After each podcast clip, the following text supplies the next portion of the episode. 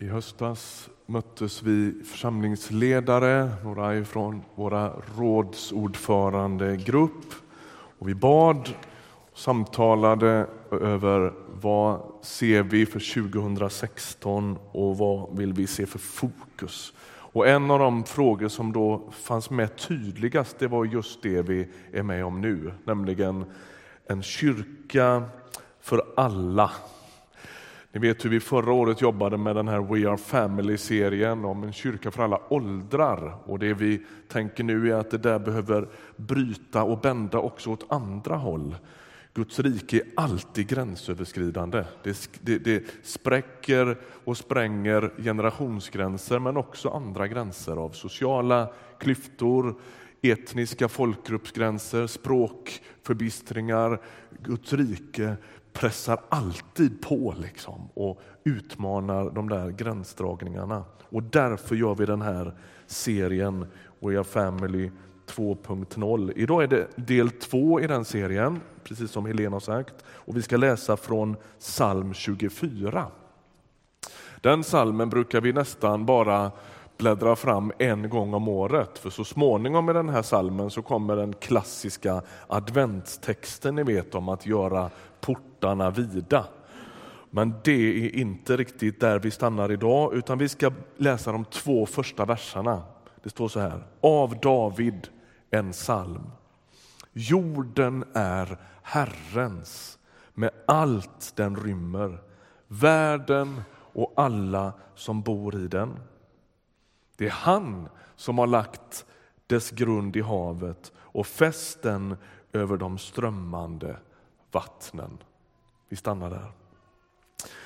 Det är ju inte oviktigt vem som är upphovsman. Vem är det som har gjort något. Det finns en del uppslitande konflikter genom historien när man har bråkat om vem som har skrivit vissa musikstycken eller vem som har målat vissa tavlor och sådär. Va? Eh, för oss så brukar det väl oftast stå så här när vi tittar i produkter vi håller på med. Det är mycket som är gjort i Kina. Men det är inte oviktigt vem som har gjort något och var det är gjort. Vi pratar om svensk kvalitet. Det vi gör kanske inte folk runt om i världen, det är bara vi svenskar som tror att det är ett, ett viktigt begrepp. Men i Gamla testamentet så är det viktigt vem som är upphovsmannen. Och det där kommer liksom tillbaka gång på gång. Och just i den här texten så drar inte salmisten jättelångtgående slutsatser av det han just har sagt. Men i övrig bibeltext så dras de här slutsatserna hela tiden eftersom Gud är den som har gjort allt och är upphovsman till allt. Så, så kan vi säga några saker om honom. Det första är att han har ansvar för världen. Det kan vara skönt att liksom påminna sig om det när man sitter på gudstjänst att du bär inte världen.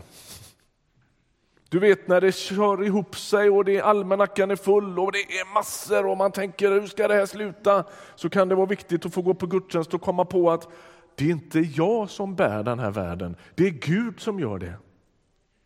Djupast är det här inte vårt ansvar, då säger vi ju inte det för att bli slarviga, men för att bli fria. Det är inte vårt djupaste ansvar att världen funkar, utan hans. Det är han som har satt igång allt detta och det är han som ytterst bär tillvaron. Både den där stora, ni vet, med ärtorna och linfröna och, och, och universum, men också ditt universum, din värld, ditt liv. Han är den som bär. Och Det andra som Gamla testamentet slår fast är att Gud därmed har auktoritet över världen. Om han har gjort den så bestämmer han. Jorden är byggd, stod det i den här texten, uppe på vattnen. Dels en sorts referens givetvis tillbaka till första Mosebok om skapelseberättelsen. Först blir det vatten och sen skapar han land. Men också en sorts bildspråk och symbolspråk där Gamla testamentet ofta använder bilden av det liksom rasande vattnet som en, som en bild på kaosmakterna, på ondskan. Gud har byggt uppe på kaoset. Han har koll. Han har auktoritet. Han får sista ordet. Till exempel om man bläddrar några blad till psalm 29 skriver David igen. Herren tronar ovan himmelshavet. Herren tronar som konung för evigt. Herren ger styrka åt sitt folk. Herren välsignar sitt folk med fred. Återigen ser du hur de där bilden av vattnet finns där som en sorts, ni vet hur det gång på gång finns i gamla testamentet, också i nya. Ehm, Jesus han säger på ett ställe när han talar om sin återkomst, så säger han att människor kommer att gripas av ångest vid havets och vågornas dån. Står det, Lukas 21. Vad är det där? Ja, men det är ju en sorts han uppträder nästan som en sorts gammaltestamentlig profet och säger det kommer att bli sån eh, kaos i världen och man kommer att bäva inför makterna och, och ondskan och att allt verkar släppas lös. Och då säger han, då ska ni räta på era huvuden och lyfta era huvuden och räta på era ryggar, därför att då är befrielsen nära, säger han. Var inte rädd för det. Var inte rädd för det. Det är Gud som har gjort allt. Han har byggt det ovanpå kaosmakterna. Han är on top of the situation. Det tredje som man kan läsa ut av att han har skapat allt är att han en dag ska erkännas och tillbes av hela världen. Det här är ett sorts gammaltestamentligt spår. I relation till avgudarna så argumenterar profeterna ofta utifrån vem det är som har skapat allt.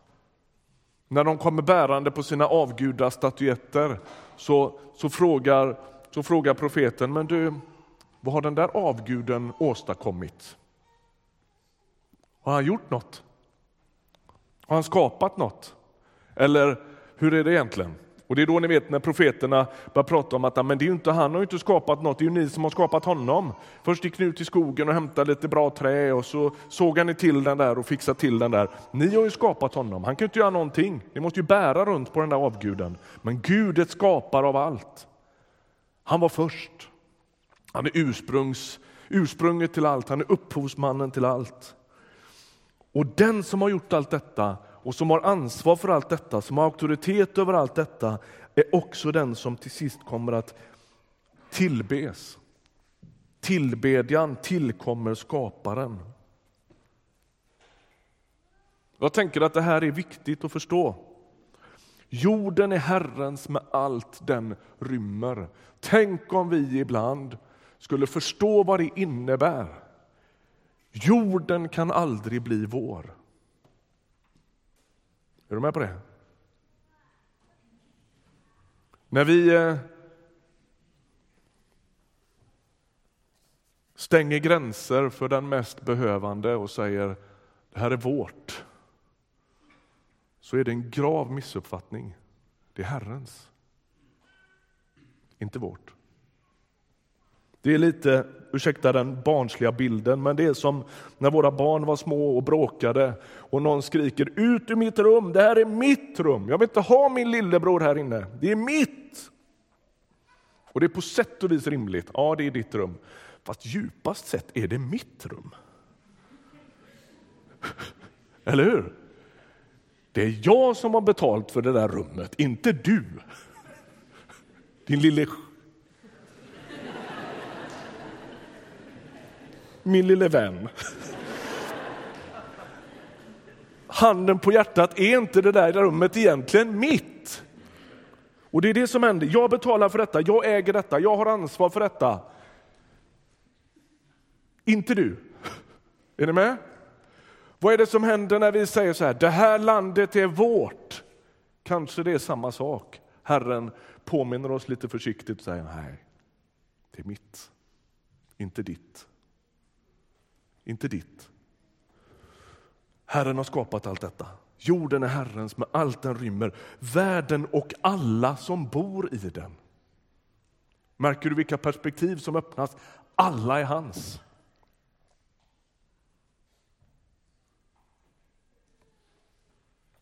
Vad händer? Vad skulle hända med oss om vi började hävda att landet är Herrens? Vad gör det med vår syn på vi och dem, på mitt och ditt, på gränserna? Vad gör det med dig? Jag vet inte. Jag bara väcker den frågan. Kanske vi har missförstått något viktigt. Låt oss gå till vårt nya testamentet för att se hur man läser den här texten i, i, i urkyrkan. I första Korintierbrevets tionde kapitel så har vi ett eh, avsnitt där Paulus talar om, om eh, eh matregler. Och han säger så här i vers 25 i första, eh, första Korintierbrevet 10. Allt som säljs i köttstånden kan ni äta utan att undersöka det för ert samvetes skull. Jorden är Herrens med allt den rymmer. Här citerar han den texten. Vad betyder det? Jo, Paulus han argumenterar, du som är lite van bibelläsare vet att i Nya testamentet så finns den här frågan uppe gång efter annan. Hur ska de nykristna i romarriket förhålla sig till avgudarna och avgudarnas tempel? Maten man köper i, i lilla köttbutiken den är nästan till 100 procent liksom inblandad i eh, avgudatemplen och, och, och, och tillbedjan där. Man offrar kött till de här avgudarna. Och så säljs den i, i, i köttbutikerna där. Alltså, det blir ett jätteproblem för urkyrkan. Hur ska vi göra med det? Är det okej okay att äta det? Eller blir vi en del i den där smutsiga avgudahanteringen? Liksom? Hur gör vi med det? Och då och man kan säga att det var egentligen omöjligt att göra affärer i romarriket utan att komma i kontakt med detta. Det var helt genomsyrat av det här. Precis som vi är genomsyra, vårt samhälle är genomsyrat av våra avgudar, men det är en annan predikan, kan vi fundera på en annan dag. Men det är små tempel precis överallt. Och så undrar de här kristna, syndar vi om vi äter det där köttet? Hur, hur, ska jag förhålla mig till det som är annorlunda? Hur ska jag förhålla mig till de andra gudarna? Hur ska jag förhålla mig till de andra makterna? Det är ju egentligen frågan för dagen också. Hur ska vi, hur ska vi göra? Ska vi vara rädda? Ska vi vara eh,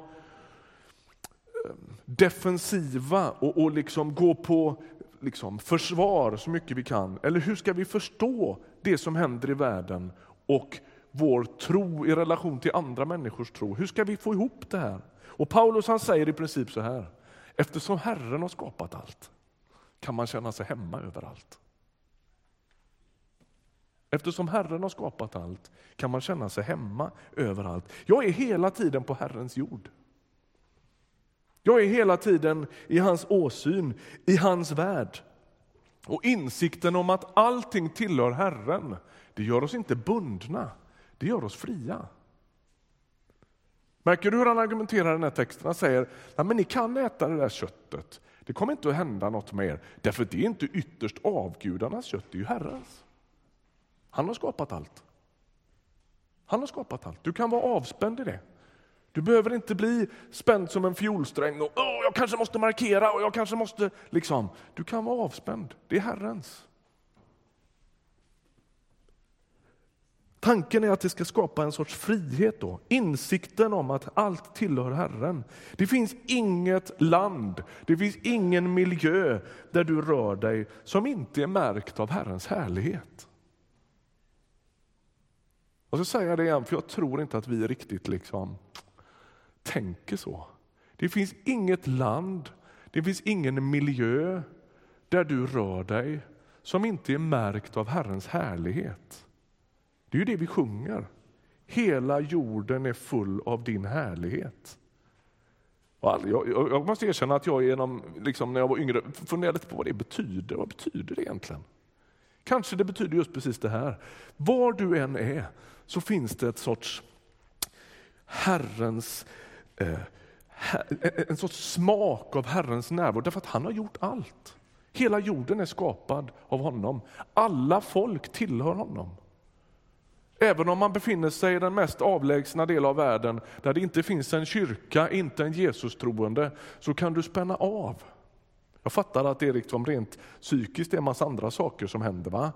Men utifrån en sorts teolog, alltså utifrån en sorts världsbild så kan du vara lugn. En liten avlägsen by i, i eh, Oceanien, eller i Sydamerika eller i Turkiet där det inte finns en kristen på tio mils håll. Så kan du bara spänna av. Herrens härlighet finns där, för han har gjort allt. När man möter en grupp flyktingar på ett asylboende där ingen tror på Jesus utan alla kallar sig för muslimer. Så skulle vi, vi, alltså vi, vi går ju på den här grejen gång på gång genom hela historien. Vi blir så nervösa, vi blir så rädda.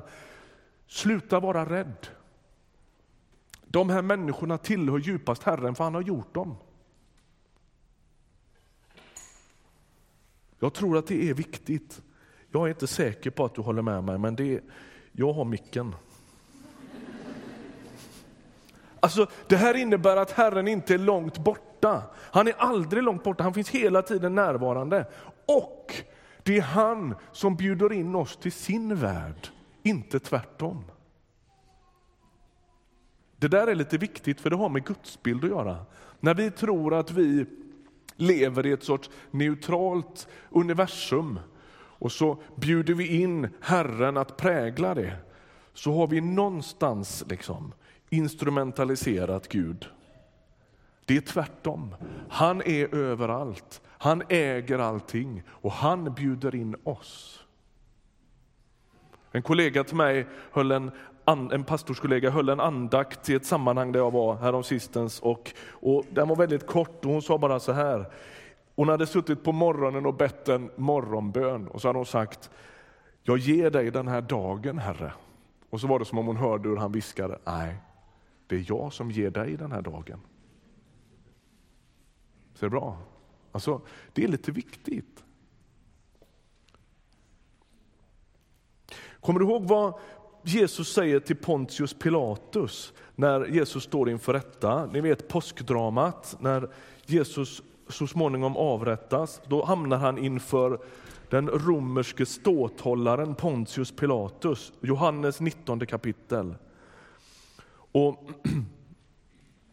vi kommer in mitt i det här dramat när, när det liksom är ett både politiskt och religiöst maktspel omkring hela den här situationen. Och Pilatus får höra att Jesus kallar sig för Guds son. När Pilatus hörde detta blev han ännu mer oroad. Han gick tillbaka in i residenset och frågade Jesus, varifrån är du? Men Jesus gav honom inget svar. Pilatus sa då, vägrar du att tala med mig? Vet du inte att jag har makt att frige dig och makt att korsfästa dig? Jesus svarade, du skulle inte ha någon makt över mig om du inte hade fått den från ovan. Säger han. betyder det? Jo, att det är samma världsbild och samma insikt fast i en annan situation. Det finns ingen som har något som inte Herren slutligen har gett den personen. Gud är den, allt tillhör honom. En ståthållare i Jerusalem, en diktator i nutida Syrien, ett kommunalråd i Mjölby eller en vem som helst måste förstå att allt tillhör Herren. Och för dig och mig, det jag är far efter är inte någon sorts liksom lek med ord, eller att du skulle liksom, utan det är att, att vi skulle få någon sorts insikt om att det skapar en sorts vila Kristna behöver inte gå runt spända som fiolsträngar, rädda för vad man ska möta. Därför att man lever alltid i Herrens synfält. Och man lever alltid i relation till människor som han har skapat. Och när vi möter det som vi inte känner igen och det som är konstigt, så gör vi väl i att påminna oss om det. De här kanske inte vet om det själva, men de är Herrens. Inte i en sorts allmän så här, så här, så här, frälsa, inte i en sorts frälsande mening. Man blir Herren som får sitt namn skrivet i himlen när man tar emot Jesus och tror på honom och följer honom. Absolut, så är det. Men i en sorts, utifrån skapelsen så kan man inte säga att någon eller något faller utanför, utan man lever sitt liv inför honom. Och han har rätt att göra anspråk på vad som helst för det är hans. Vad skulle hänt om Columbus och hans kompisar på 1500-talet hade tänkt så när de upptäckte världen? De eh, gjorde den ju till sin på något sorts sätt. Eller kolonialisterna på 1800-talet som delar upp Afrika och, och så vidare, va? Asien emellan sig. Titta på en karta över norra Afrika hur man har ritat med linjal. Det ser inte klokt ut. Man har delat på folk och språk och grejer helt hänsynslöst för att man tycker att man äger det. Vad hade hänt om man hade förstått det här kan aldrig bli vårt, för det är Herrens. För någon vecka sedan besökte jag en plats där man just har startat ett asylboende och satt åt lunch med människor från alla möjliga olika sorter. Det var svenska bibelskoleelever i 20-årsåldern och så var där en ny grupp människor. Det, det var på Götabro kursgård där jag förut har jobbat som bibellärare. Och Det var som att komma till ett nytt ställe. Det, det, bara vibrerade av liv och energi. Det sprang ungar och kött och busade i korridoren och det var massa folk med, av olika färg och form. Och så hamnade jag vid ett bord och äta lunch ihop med Sara, 39 år gammal. Fyra barns mamma från Syrien. Och så berättar Sara, hon var så levande, det var så mycket glitter i ögonen. Hon pratade med alla och hon busade med några bibelskoleelever där som hon har börjat lära lite arabiska. Och hon har jobbat som engelsklärare hemma i Syrien. Och hade hon sina två döttrar med sig vid bordet. Och så pratade vi om lite allt möjligt och det var roligt och glatt och så. Men sen så kom hon in på hur flykten hade gått till. Och vi har ju människor här i vår gemenskap som kan berätta liknande historier. Och då var det som att något slocknade i ögonen på henne. Och så berättar hon hur de sitter i Syrien, hon och hennes man och deras fyra flickor. Och så inser de alla kan inte fly på en gång. Det är för riskabelt. Vi måste välja. Bara sätta in i det. Och så säger de så här. Mamma får fly, pappa blir kvar. Vilka barn ska du ta med dig? Jag tar med mig dem som kan simma och springa.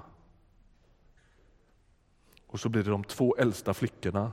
Och så berättar hon, det går inte med ord att beskriva hur det är att sitta i en båt på Medelhavet som är lika stor som det här matbordet och ha sina barn med sig. Hon sa, det går inte att beskriva hur det är.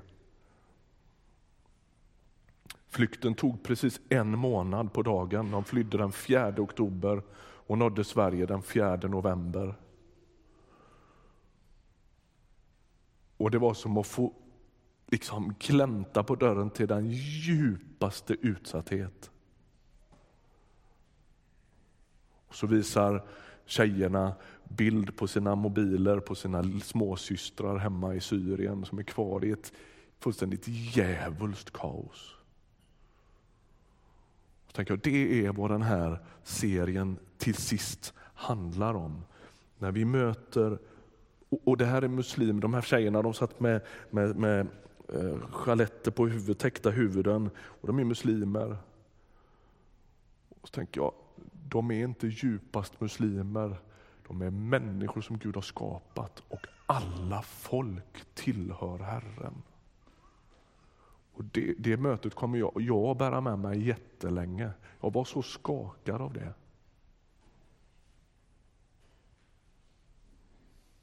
Att vara kyrka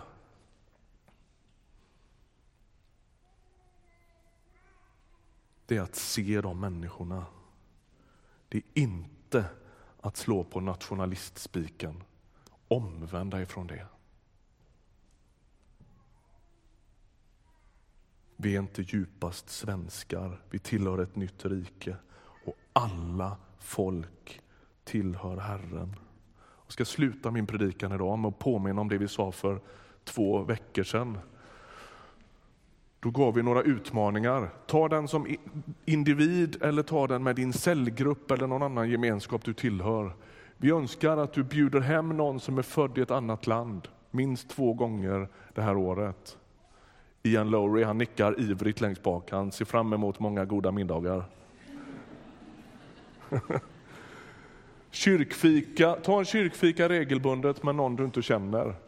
Kommer ni ihåg vad vi sa innan? Guds rike handlar om att krossa gränser. Det kan vara de där små gränserna från ena bordet till det andra. Det kan vara långt nog ibland. Besök någon av våra församlingsplanteringar i Berga och Skäggetorp minst en gång i år. Du kan till exempel åka på språkcafé i eh, Skäggetorp, eller öppet vardagsrum som de kallar det för. Gå på vårt språkcafé i källaren på torsdagskvällar någon gång den här terminen. Det är för att bli lite konkret, så att det här liksom får lite kött och blod i våra liv. De här lappar, det finns lappar ute på våra bord med de här fyra de här fyra utmaningarna. Du kommer att höra dem många gånger till under den här terminen. Men jag vill skicka med dig det, därför att det är ett sorts förkroppsligande av en sån här bibeltext. Hela jorden är Herrens och alla folk som bor därpå. Ska vi be tillsammans?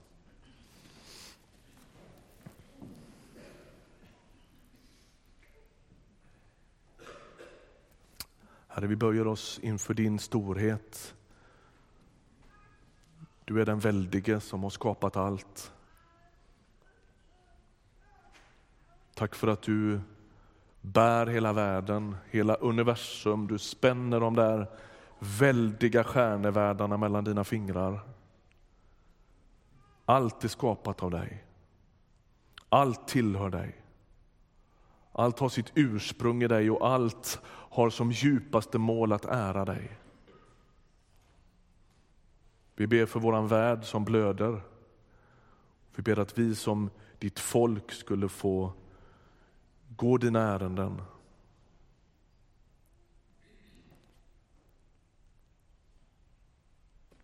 Tack att du blöder med världen.